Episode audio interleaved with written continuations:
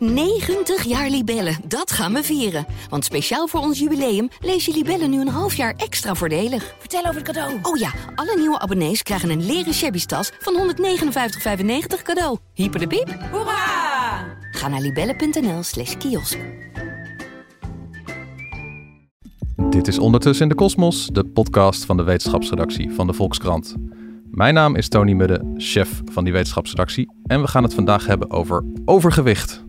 Of liever over de opmars van pillen en injecties om kilo's kwijt te raken. Want die zijn in opmars.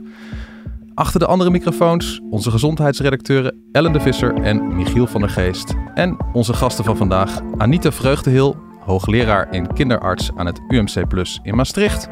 En gespecialiseerd in overgewichtsproblematiek. En dan hebben we ook nog Lisette, die afviel met hulp van een nieuw type injectie.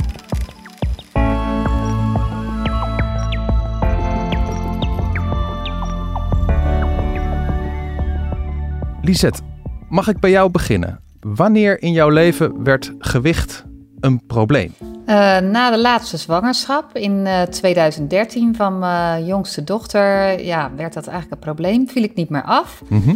Alles wat ik deed, uh, ja, hielp niet. Ik bleef alleen maar aankomen. Dus ja, daar heb ik meerdere malen voor aan de bel getrokken van help. Ja, er is iets, want ik val niet meer af. Ja, en om de lezers, of de lezers, voor mij nou, de luisteraars een beetje een gevoel te geven uh, hoe erg dat was op een gegeven moment. Hoe, hoe zwaar woog jij op je allerzwaarst?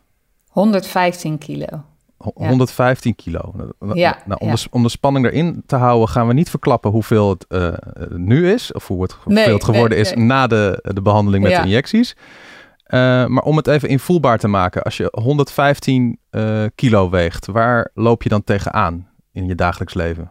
Ja, nou vooral uh, kleding natuurlijk. Je kan niet meer in alle winkels winkelen. Uh, ja, eigenlijk buiten adem zijn als je de trap op gaat. Nagekeken worden, vooral reacties hè, door mensen. Dat is vooral van...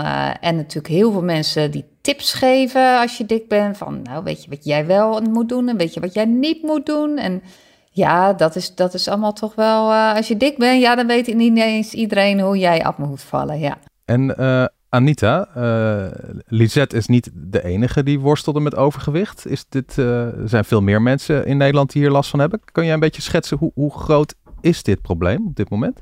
Ja, het is een uh, groot probleem. we zien dat bijna de helft van, of meer dan de helft van de volwassenen op dit moment overgewicht heeft. En ongeveer 15% van de volwassenen obesitas. Bij kinderen is dat, zijn die getallen nog wat minder.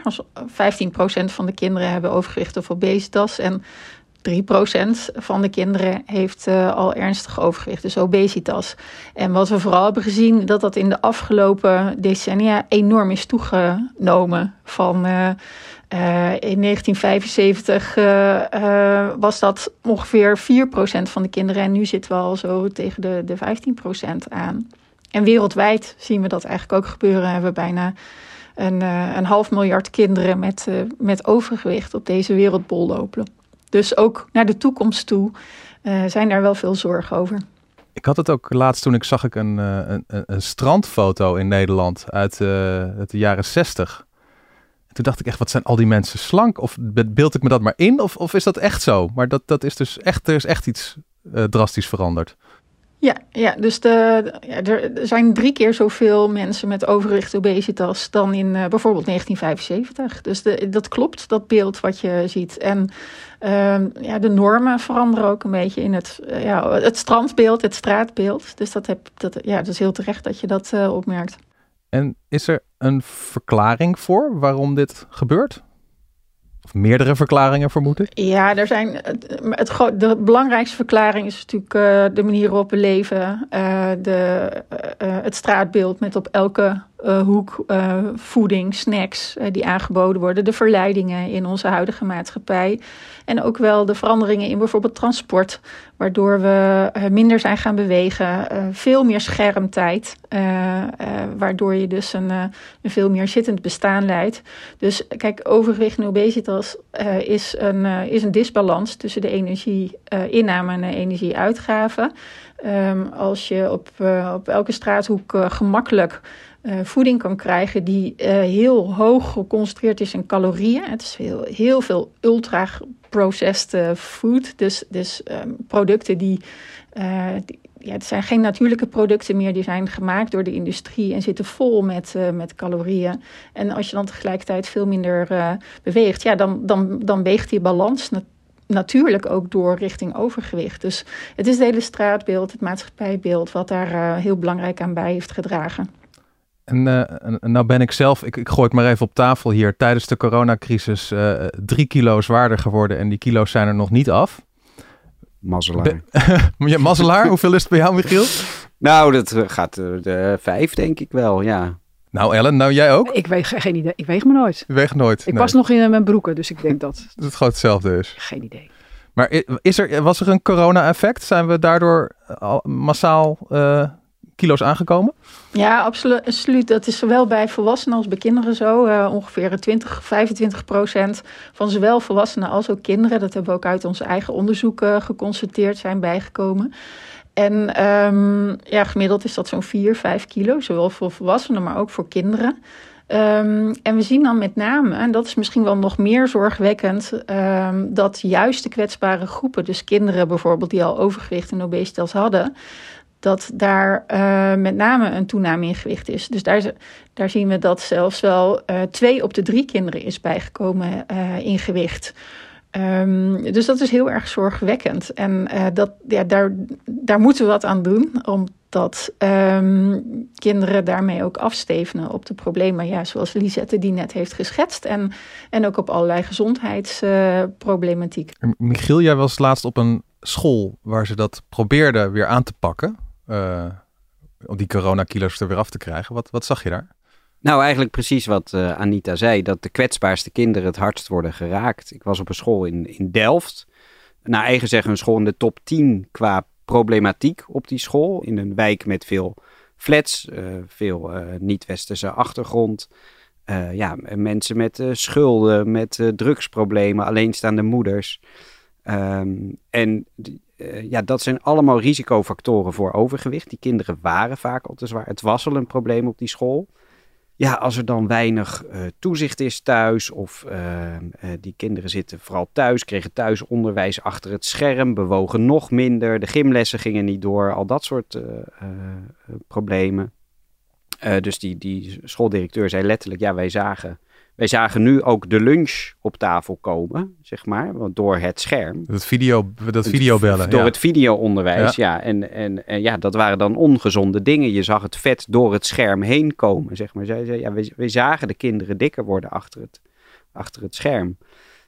En nu, ja, nu was dan het Gezond Leven programma, wat, wat al bestond voor de coronacrisis, maar twee jaar was stopgezet vanwege corona, was weer opgestart. Dus dan krijgen ze les over over wat, hoe zie je eigenlijk wat er in, uh, in een verpakking zit. Hè? Hoe, hoe, hoe, kun je de ingrediënten bekijken? Of hoe kun je water ook lekker maken door er een komkommer of een sinaasappel in te gooien? En dat appelsap misschien gezond klinkt, maar dat het stiekem toch uh, een ja, caloriebom is. Dat toch? als je het rijtje water, cola light, cola, energy, energy drink, appelsap neemt, dat appelsap eigenlijk de meeste calorieën heeft. Nou, dat, vond, dat was een totale verrassing ja, voor de meeste voor kinderen. Ook. Voor mij ook. Ja. ik, had hem, ik had het verkeerd op een rijtje gezet dat ik had moeten doen. En ja, die directeur zei ook, ja, kijk, met dit uurtje per week gaan wij natuurlijk dat overgewicht niet oplossen van die kinderen. Maar ja, je moet ergens beginnen en het, het is heel ingewikkeld om het, om het in de breedte uh, aan te pakken. En het is dus ook niet zo van, uh, nou ja, we zijn nu weer uit de lockdown, iedereen kan weer sporten. Uh, dan vliegen de kilo's er weer vanaf. Nee, ik geloof, de, ik heb Anita voor dat artikel ook gesproken. En die zei, ja, dat vond ik eigenlijk het zorgelijkste. Als ik het verkeerd zeg, Anita, onderbreek me vooral. Maar dit, het, het zorgelijkste was dat toen die lockdowns voorbij waren, dat de slechte gewoonten, minder bewegen, vaker energy drinken, uh, energiedrankjes drinken, dat die bleven bestaan. Ja en, da, ja, en je weet zelf, als een gewoonte eenmaal is ingesleten, hoe moeilijk het is om daar weer maar er is natuurlijk ook nog wat anders wat meespeelt. Hè? Ik denk dat kan Anita zeker beamen en, uh, en Lisette ook. Uh, dat als je eenmaal obesitas hebt, dat het dan heel erg moeilijk is om weer op je oude gewicht misschien niet zozeer te komen, maar wel te blijven. En ik denk even aan een ontzettend interessant experiment of een onderzoek dat ze hebben gedaan bij uh, Amerikaanse deelnemers aan die, aan die, aan die uh, uh, afvalprogramma's. Die kennen we in Nederland ook, hè? Ja. mensen die heel veel overgewicht hebben, die dan worden geholpen om af te vallen. Ja. Dat lukt dan vaak nog wel, met de priemende ogen van de camera, zeg maar. In de, hè? Maar dan gaan ze, ze, vervolgens is die camera weg. Wat gebeurt er dan met ze?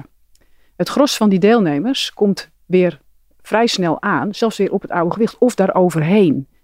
En dat komt omdat, ik dacht vroeger altijd dat het een fabeltje was, maar de spaarstand bestaat wel degelijk in het lichaam. Dus als jij twee mensen van 80 kilo hebt en de ene heeft vroeger 120 kilo gewogen, dan moet die persoon blijvend, het levenslang, minder calorieën eten of meer bewegen dan die persoon die altijd 80 kilo heeft gewogen. Dat moet je, dat, Ah. omdat dat lichaam ja, wil terug, biologisch gezien, naar dat oude niveau. Dat maakt die obesitas aanpak zo ingewikkeld, vaak. Het is niet een kwestie van, joh, nou, dan gaat het gewoon minder... Ja, Maar dus als mens, mensen die dus eh, aan de dikke kant zijn en die zich, zich dan over verbazen, die zeggen van ja, ik heb gewoon een, een, een broer en die eet precies hetzelfde en ja, die blijft wel en dat slank. Klopt, en dat klopt. En, dat, dat is- Vaak, dat is- en, dan, vaak. en dan kan je soms denken zoiets van, nou, ik weet niet hoor of die nou echt precies hetzelfde eet, Ja. maar dat, dat is dus Ja. echt zo. Dat Ja. is echt zo, ja. Ja, en dat Anita? is niet Ja? het enige. Ja, dat, dat is de ene kant van het verhaal. Ben ik helemaal mee eens. Eh, het, het, hè, door alle hormonale veranderingen en de spaarstand, zoals je het noemt, is het heel moeilijk om eh, op gewicht te blijven.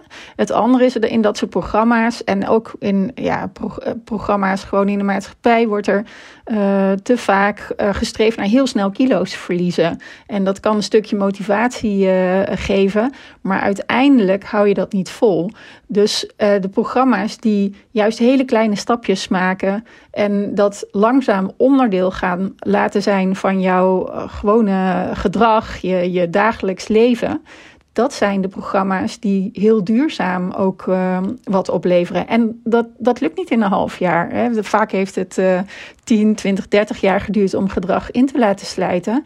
Dus het kost vaak ook twee, drie jaar. Onze eigen programma's voor de kinderen en gezinnen zijn, eh, zijn ook minimaal twee tot drie jaar. eh, voordat je in kleine stappen de, eh, het nieuwe gedrag, het gezonde, gezonde leefstijl, eh, onderdeel kan maken van jouw gewoonte. En als je dat allemaal eh, in de eerste maand gaat doen, dan is het onmogelijk om dat vol te, te houden. Dus het moet echt stap voor stap en over een langere termijn. En dan gaat het eh, in ieder geval veel beter lukken. En dat zien wij ook bij de, bij de kinderen over de langere termijn om gewicht te verliezen. Ik kan me voorstellen dat mensen dan wel denken zo van ja, maar ik wil snel die kilo's kwijt. Toch? Of niet? Ja, ja, want je wil in die bikini in de zomer. eh, ja. eh, maar ja, dat heeft dus als consequentie dat je dan een terugval hebt. En dat willen de meeste mensen toch eigenlijk ook niet. Want dan zit je met kerst toch ook weer in de problemen. Dus ehm, het, het lijkt leuk, even snel crashen. Maar uiteindelijk schiet je toch eh, jezelf in de voet. En is het echt eh, ja, helpender om het gewoon in kleine stappen over een langere termijn te doen. En voor jezelf die doelen te zetten. En daarbij zien we ook wel dat je daar vaak wel een steuntje in de rug nodig hebt van een coach die dat op een goede manier kan begeleiden. En eh, Lisette, wat heb jij allemaal voordat je op een gegeven moment een nieuw medicijn ging proberen? Wat heb jij toen allemaal geprobeerd om kilo's kwijt te raken?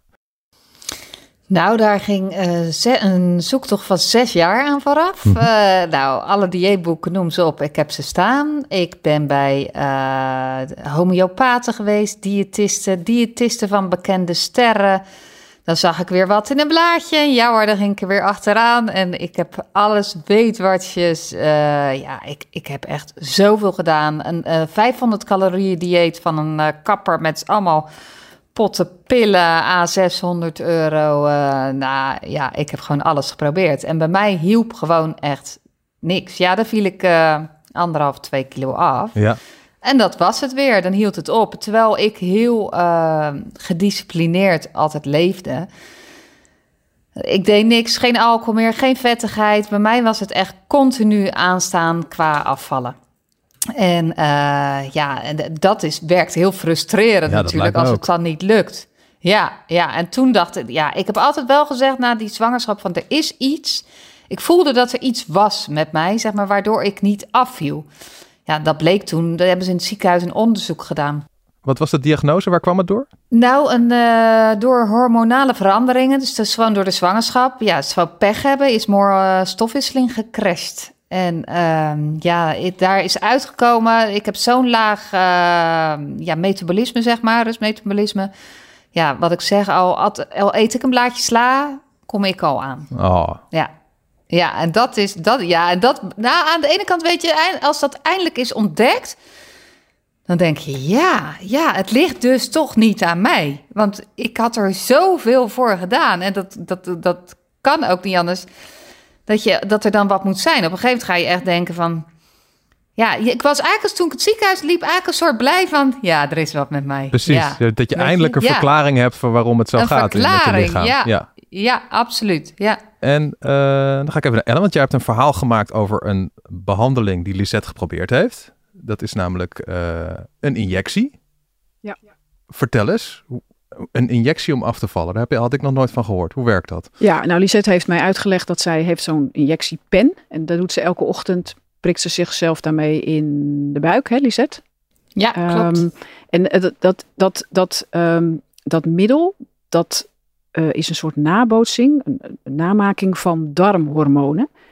Ehm, en eh, ja, het, het heeft vooral effect in je hoofd, gek genoeg. Eh, eh, het, eetlust en verzadiging, dat is een soort samenspel tussen je maag en je darmen en je hoofd. Dan gaat op een gegeven moment een seintje naar je, naar je hoofd van je, je hebt genoeg, eh, je zit vol. En ehm, bij mensen met obesitas kan dat spel, zeg maar, verstoord raken.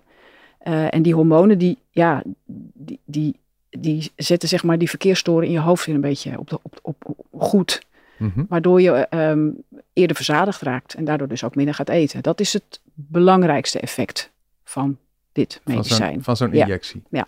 En ehm, nou, nog, nog even ter herinnering, hoe zwaar woog je aan het begin van de behandeling, Lisette? Ja, 115 kilo.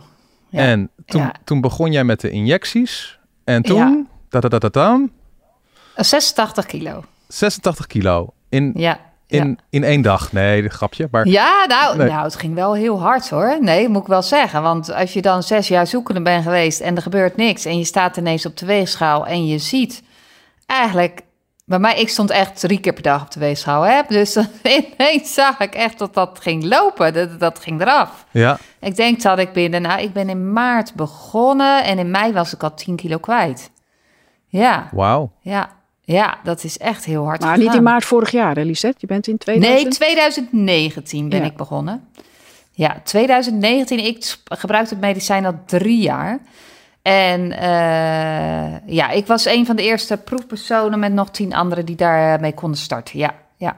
En moet je dit medicijn de rest van je leven gebruiken om op gewicht te blijven? Of kan je er nu weer mee stoppen Ja. nu je weer op een eh, gezond gewicht bent? Nee, nee, want die stofwisseling blijft kapot. Die gaat ook nooit meer aan. Ik ben wel iets, ik moest even stoppen. Dat was anderhalf, twee weken een keer voor een eh, ja, onderzoek wat, dat ik moest ondergaan. Dus mocht ik dat medicijn niet gebruiken. Nou, daar kwam ik gelijk aan. Gelijk Ja. kom ik aan. En Nou, dat is ook niet zo gek, hè? Als je, als je obesitas als een ziekte beschouwt, Ja, eh, een hoge bloeddruk of cholesterolverlagers, hè? bloeddruk, Mhm. eh, medicijn, als je daarmee stopt, dan zie je toch Ja, ook dan gaat dat het er ook. Dat weer dat het weer terugschiet. Ja. Dus, dus, als je, Ja, dus het is niet zo gek. Je ziet het ook in de Nee. studies, hè? als op een gegeven moment mensen stoppen, dan zie je dat lijntje zie je weer eh, vrij snel omhoog Ja. gaan. Toch heb ik nog Ja. één vraag wat ik niet helemaal snap. Want Lisette, jij zei ja, als ik een blaadje sla eet, dan, dan kom ik eigenlijk al aan. Hè? Een beetje Ja. gechargeerd natuurlijk. Maar jij zei Ellen, van ja, het is vooral dat het gaat om het, om het hongergevoel Ja. eigenlijk, die hormonen. Ja, dat Maar- snap ik. Daar zijn mensen, de, de, de mensen die, er waren eh, ook proefpersonen die inderdaad dat die prikkel niet hadden dat ze vol zaten, zeg maar. En daar helpt dit medicijn ook voor. Maar bij mij helpt het omdat er een hormoon in zit wat ik dus tekort kom. Dat hormoon is bij mij stuk, dat werkt niet door die kapotte stofwisseling en dat zit onder andere in deze pen. Dus voor iedereen met obesitas werkt het ja, eigenlijk op een andere manier. Iedereen die obesitas heeft, heeft, heeft dat gekregen, is dat ontstaan door een andere ziekte, zeg maar, laat ik het zo maar noemen, ja. En eh, nou heeft volgens mij ook elk medicijn heeft ook nadelen, eh, bijwerkingen. Eh, eh, hoe zit Ja. het bij deze? Ja, ik heb nergens last van gehad. Ik mag echt niet klagen. Ja, ik hoorde echt mensen van misselijk en eh, ja, ik heb nergens last van gehad. Nee. Ja, dat, nee, dan ben je wel een Dus- mazzelaar, denk ik. Want als ik naar die studies Ja. kijk, dan heeft echt twee derde heeft last van misselijkheid en diarree. Daar val je nee. natuurlijk ook vanaf, laten we eerlijk wezen. Ja, ja, ja, ja, Ehm, ja. En sommigen houden dat echt, niet heel veel hoor, een paar procent houdt het echt gedurende de hele studieperiode. Dus Ja, dat ja. is niet Ja. fijn. Nee. Nee. Ja, want het medicijn heeft inderdaad één effect is dat het uh, op je hersenen het verzadigingsgevoel uh, geeft. Maar het heeft ook effect inderdaad op de bewegelijkheid van het maag-darmkanaal. En als derde ook nog op de suikerhuishouding, waardoor je je suikers makkelijker op kan nemen. Dus het heeft verschillende functies. En dat is denk ik ook waarom Lisette uh, aangeeft. Ja, voor de een helpt het een en het ander helpt het ander. En die bijwerkingen die passen ook bij die verschillende functies. Okay. Je kunt ook wat lage suiker krijgen en daar last van krijgen. Ja. En, en dit is een injectie, Ellen. En er zijn ook nog, uh, er komt ook nog een pil aan, toch? Ja, er staan nog. Want kijk, het nieuwe is nu, Lisette zegt, ik gebruik dit medicijn nu al drie jaar. Het nieuwe is dat het vanaf afgelopen vrijdag ook in de basisverzekering zit. Voor een bepaalde groep mensen. Mensen mm -hmm. met een BMI boven de 35. Uh, dus dat is niet zomaar voor iedereen. Mm -hmm. En er zitten bij het Zorginstituut nog twee medicijnen in de wachtkamer. Eén is een pil. En een tweede is ook een injectie, maar die hoeft dan maar één keer in de week. En van dat tweede medicijn is nu ook een pilvorm komt eraan. Dus ja, weet je, ik kan me voorstellen dat voor mensen een injectie... Ja, Lisette is daar misschien wel makkelijker in, maar het is best wel een ding, zeg maar, dat je dat elke ja. dag Ja, in het begin vond ik het ook eng. Het is spannend hoor, Ja. maar op een gegeven moment, joh... Ja, het is gewoon heel normaal. Maar wat je zegt is wel eh, begrijpelijk. Want als ik wel eens op vakantie ben met mensen of zo... en ik spuit dat in en die zijn dat niet gewend... Nou, die kijken echt van, wat, wat doe je nou? Ik zeg, oh, oh joh, oh, weet je. Ja, die schrikken daar wel van inderdaad. Het is even een drempeltje over en daar wen je ook weer aan. Ja, precies. Ja. En als er nu mensen zijn die dit horen en denken van, nou ja, Ja, doe mij ook maar zo'n pil. Ik ben Dat- drie dat- kilo te zwaar, dat- doe ja. mij maar even een pilletje. ja, dan, ja, dan, ja. Is het, dan is het antwoord. Nou ja, dat denk ik niet. Eh, Kijk ik naar Anita schudt al haar hoofd. Kijk, ehm, als je een paar kilo te zwaar bent, heb je natuurlijk niet een volledige disbalans van hormonen in je lichaam. Ja. Eh, dus dan ga je niet. Bovendien, het is een medicijn. Kost iets van 2600 euro per jaar. Dus je, ik denk niet dat de zorgverzekeraar iedereen met drie kilo overgewicht dat medicijn gaat vergoeden. Dat gaat, dat gaat hem niet worden. En het is, het is een medicijn. Het heeft ook bijwerkingen. Ja. Het heeft Ja. ook lange termijn effecten ook wel die nog niet helemaal duidelijk zijn. Er is een heel klein percentage krijgt problemen met galblaas, krijgt galstenen. Eh, Een aantal eh, proefpersonen kregen een acute eh alvleesklierontsteking. Maar er zijn er maar heel weinig, maar ze zijn er wel. Eh, dus, maar het belangrijkste is, als jij een paar kilo overgewicht hebt, dan heb je niet een ziekte nog. Dus Nee, dan precies. hoef je ook nog niet een medicijn. Anita, hoe, hoe kijk jij hier tegenaan? Tegen de, de opmars van dit soort middelen? Is dat eh, halleluja of eh, is het ook zorgelijk? Wat denk jij? Nou, voor een selecte groep eh, mensen is het, is het een, een uitkomst. Wij, wij zijn bijvoorbeeld ook eh, in onze programma's waar we eh, ons vooral richten op een gecombineerde leefstijlinterventie. Dus op meer bewegen, gezonde voeding en vooral ook alle randvoorwaarden die daarvoor nodig zijn. Daar lukt het bij 70% van de kinderen om af te vallen. Nou, die hoeven niet een medicijn. Maar ja, er is ook de keerzijde, dat is dus ook 30%, waar het onvoldoende effect heeft. Wat we nu kunnen aanbieden in deze maatschappij. Dus één, eh, er moet nog heel veel gebeuren in onze maatschappij om gezond leven eh, makkelijker te maken. Eh, dat is niet morgen geregeld. Het geeft wel allerlei problemen op dit moment en gezondheidsproblemen op de langere termijn. Dus voor een selecte groep mensen die niet goed eh, reageren op een gecombineerde leefstijlinterventie, zou dit een aanvulling kunnen zijn. Dus je Ja. moet het ook niet als een gouden ei zien van nou dan doe mij maar een pilletje en hoef ik verder eh, nergens meer op te letten. Het is altijd gecombineerde leefstijlinterventie plus een medicijn of plus bariatrische chirurgie. En dat blijft die leefstijlinterventie dat, en eh, het aandacht hebben voor gezond leef- leven, dat blijft altijd onderdeel van de behandeling. En daar hebben we denk ik ook nog wel slagen te maken. Bovendien, Lisette, die 25 kilo of 30 kilo die Lisette is afgevallen, is ook wel heel uitzonderlijk. Hè? Eh, als je naar die studies kijkt, dan is het gemiddelde echt niet zo hoog. Jij bent echt wel een uitschieter. Ja. Ja, nou, daar ben ik heel blij mee natuurlijk. maar dat is, het, het, het komt ook door dat ik nog steeds gedisciplineerd leef, denk. En in die tijd dat ik afviel, ik, ik volg gewoon een programma. Ik heb allemaal dieetboeken, die volg ik. Ik eet koolhydraatarm, suikervrij. Kijk, het is inderdaad, mensen denken van zo, dat is makkelijk, hè? een prik erin. Maar dat is het niet, want ik eet nooit mee met mijn gezin. Ik eet altijd maar 1000 tot 1100 calorieën per dag. Het is voor mij altijd, ik altijd afwegen, eet ik dit, eet ik dat. Het is nou, ik, en dat zie ik terug op de weegschaal hoor. Als ik eh, bijvoorbeeld een weekje op vakantie ben en dan ben je uit je ritme. En al kan ik me er nog zo aan houden, dan kom ik aan. Dus bij mij is het altijd, het is altijd gewoon heel streng, heel strikt, ja, en gedisciplineerd blijven. Dus Ja. je moet bovenop die prik eet je, eet je nog maar 1100 calorieën per dag. Volgens mij is voor een Ja. normale vrouw is 2000 uit mijn hoofd of zo, of niet? Anita? Ja, zoiets volgens mij wel. Ja, Ja, dat zeker. Dus Ja. je, dus je eet, je eet de Ja. helft van wat een normale vrouw eet en je hebt die prik om op gewicht te blijven. Ja, en dan blijf ik op gewicht. Hè? Dus de- de- dan, dan, eh, dan is het nog wel af en aan, maar dan blijf ik op gewicht. Dus, en ga ik daar, dus ga ik boven die 1100 calorieën, ja, dan, dan weet ik al, eh, ga ik uit eten of iets, ja, dan, dan kom ik er wel aan. Ja, ja. En bedoel, ik, ik, het is een beetje moeilijk om in de toekomst te kijken, maar waar ik wel eens aan denk van ja, zodra dit er is, dan is het, komt het er eerst voor de mensen die echt heel zwaar zijn. En dan op een gegeven moment ontstaat de discussie van, eh, nou ja, laten we het bij een beetje overgewicht alvast ook doen, al is het maar preventief, en dat het er langzamerhand opschuift. Is dat een risico, Anita? Ja, nou ja, ik denk dat we daar eh, ook als zorgprofessionals eh, eh, zeker een hele belangrijke verantwoordelijkheid in hebben. We sturen ook niet iedereen naar de chirurg voor een maagverkleining. En zo moeten we met deze medicatie ook omgaan. Eh, ja, nogmaals, en eh, Lisette geeft dat zelf eigenlijk ook al heel mooi aan. Het blijft altijd blijven letten op je voeding, op je beweging. En eh, medicijn is een, ja, de wind in de rug krijgen om het voor elkaar te krijgen. Het kan nooit de bedoeling zijn om maar een pilletje neem, te nemen. Om dan vervolgens te kunnen blijven doen als maatschappij of als, als personen die problemen ondervinden. Eh, wat ze deden. En dat gaat ook niet werken. En uiteindelijk naar de toekomst toe zullen we echt eh, ja, op, op andere eh, levels, op ander niveau eh, slagen moeten maken. Nogmaals, door onze maatschappij te veranderen, het makkelijk te maken om gezond te leven. En mensen te begeleiden in een gezonde leefstijl. En niet even een quick win van een crashdieet, maar gewoon voor de langere termijn. Dus bijvoorbeeld het eh, ook in het basispakket komen van leefstijlcoaches een paar jaar geleden heeft eh, um, al een, uh, een goede stap gemaakt.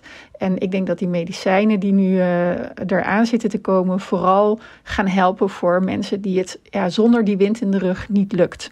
En, en Michiel, jij schrijft veel over uh, preventie en gezondheidszorg ook. Mm -hmm. Denk jij dat het kan om zeg maar met preventie het overgewichtschip dat nu duidelijk de verkeerde kant op gaat, weer de goede kant op te krijgen? Of is dat wel een hele pittige missie? Uh, ja, dat hoeft niet een tegenstrijdigheid te zijn. Ja, het kan wel, maar dan moet er wel iets anders gebeuren dan wat er nu gebeurt. De Raad voor Volksgezondheid en Samenleving heeft, denk anderhalf jaar geleden wel een, een goed essay hierover geschreven. Dat ging ook over gezondheidsverschillen, maar dat raakt heel erg aan elkaar, overgewicht en gezondheidsverschillen. En het is wat Anita zegt, je moet de maatschappij anders inrichten. De, de, de strekking van het essay was, we moeten naar een nieuwe riolering eigenlijk. Ja. En het betekent vooral het aanpakken van bestaansonzekerheid bijvoorbeeld. Want ook stress, gewoon levensstress, dagelijkse stress, dagelijkse slapeloosheid, heeft, is zo'n risicofactor voor overgewicht.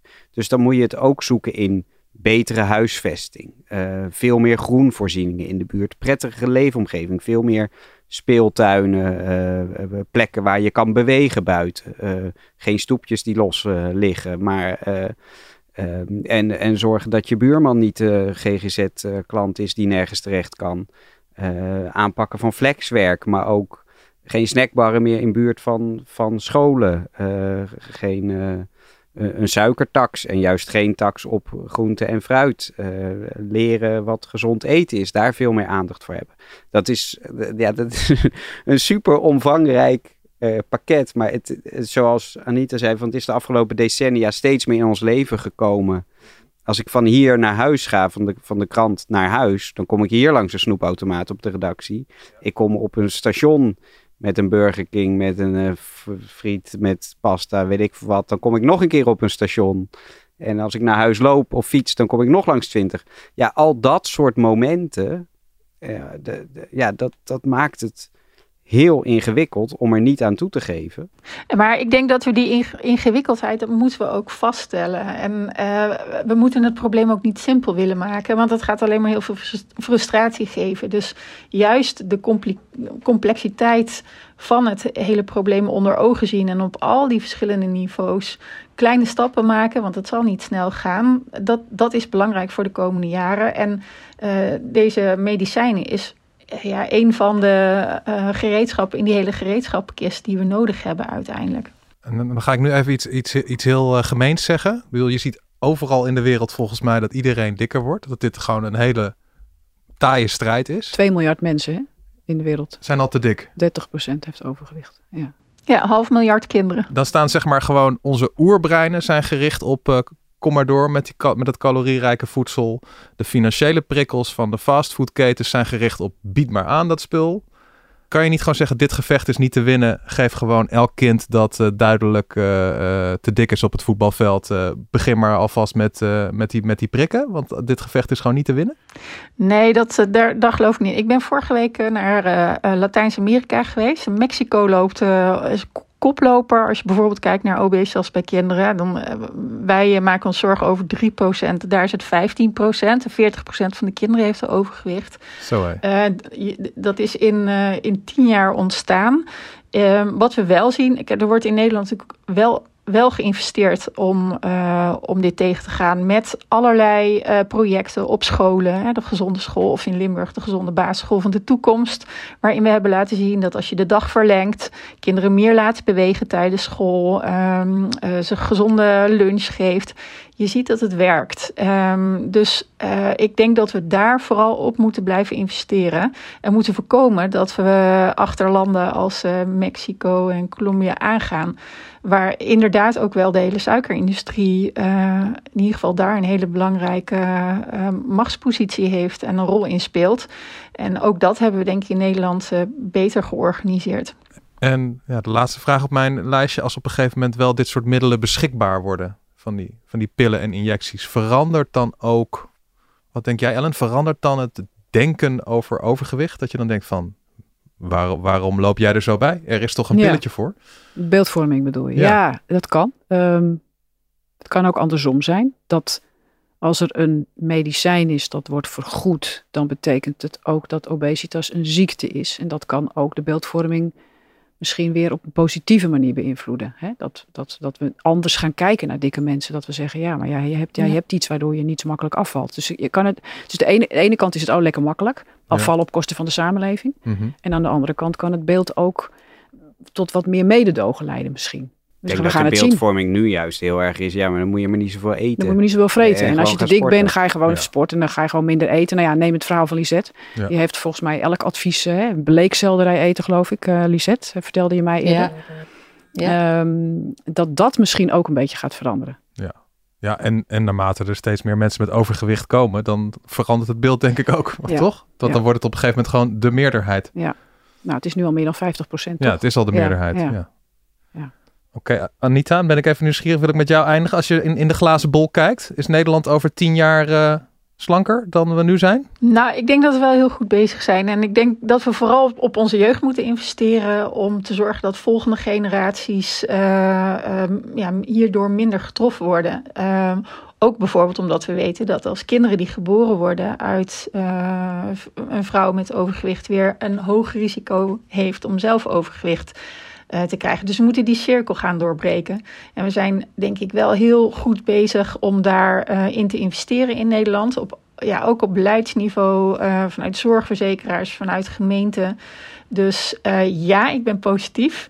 Eh, en ik hoop vooral dat we dit eh, soort medicijnen uiteindelijk eh, nauwelijks nodig gaan hebben. En tegelijkertijd is het goed dat er voor een populatie die het echt moeilijk vindt, dat het er gewoon eh, beschikbaar is. En ook bariatrische chirurgie eh, uiteindelijk wel beschikbaar blijft. Dus het zal niet snel gaan, maar we gaan het tij keren. Daar geloof ik in. Dit was Ondertussen in de Kosmos, de podcast van de wetenschapsredactie van de Volkskrant. Dank aan mijn gasten van vandaag, Lisette, die ons vertelde over haar ervaringen met een injectie waarmee je kunt afvallen. Anita Vreugdehil, hoogleraar en kinderarts aan het UMC Plus in Maastricht en gespecialiseerd in overgewichtsproblematiek. En mijn collega's bij de Volkskrant, gezondheidsredacteuren Ellen de Visser en Michiel van der Geest. Wil je een volgende aflevering van Ondertussen de Kosmos niet missen? Abonneer je dan in je favoriete podcast-app. Mijn naam is Tony Mudde. Graag tot de volgende keer.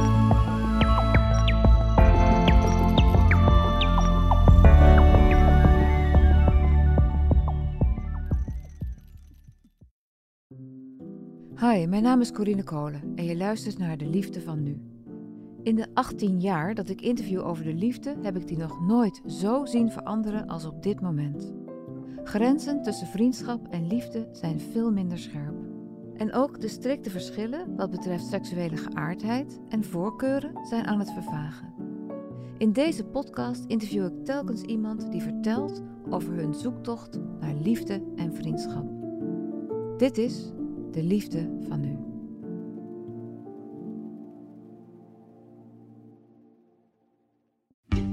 90 jaar Libellen, dat gaan we vieren. Want speciaal voor ons jubileum lees je Libellen nu een half jaar extra voordelig. Vertel over het cadeau. Oh ja, alle nieuwe abonnees krijgen een leren shabby tas van 159,95 cadeau. Hyper de piep. Hoera! Ga naar libellen.nl slash kiosk.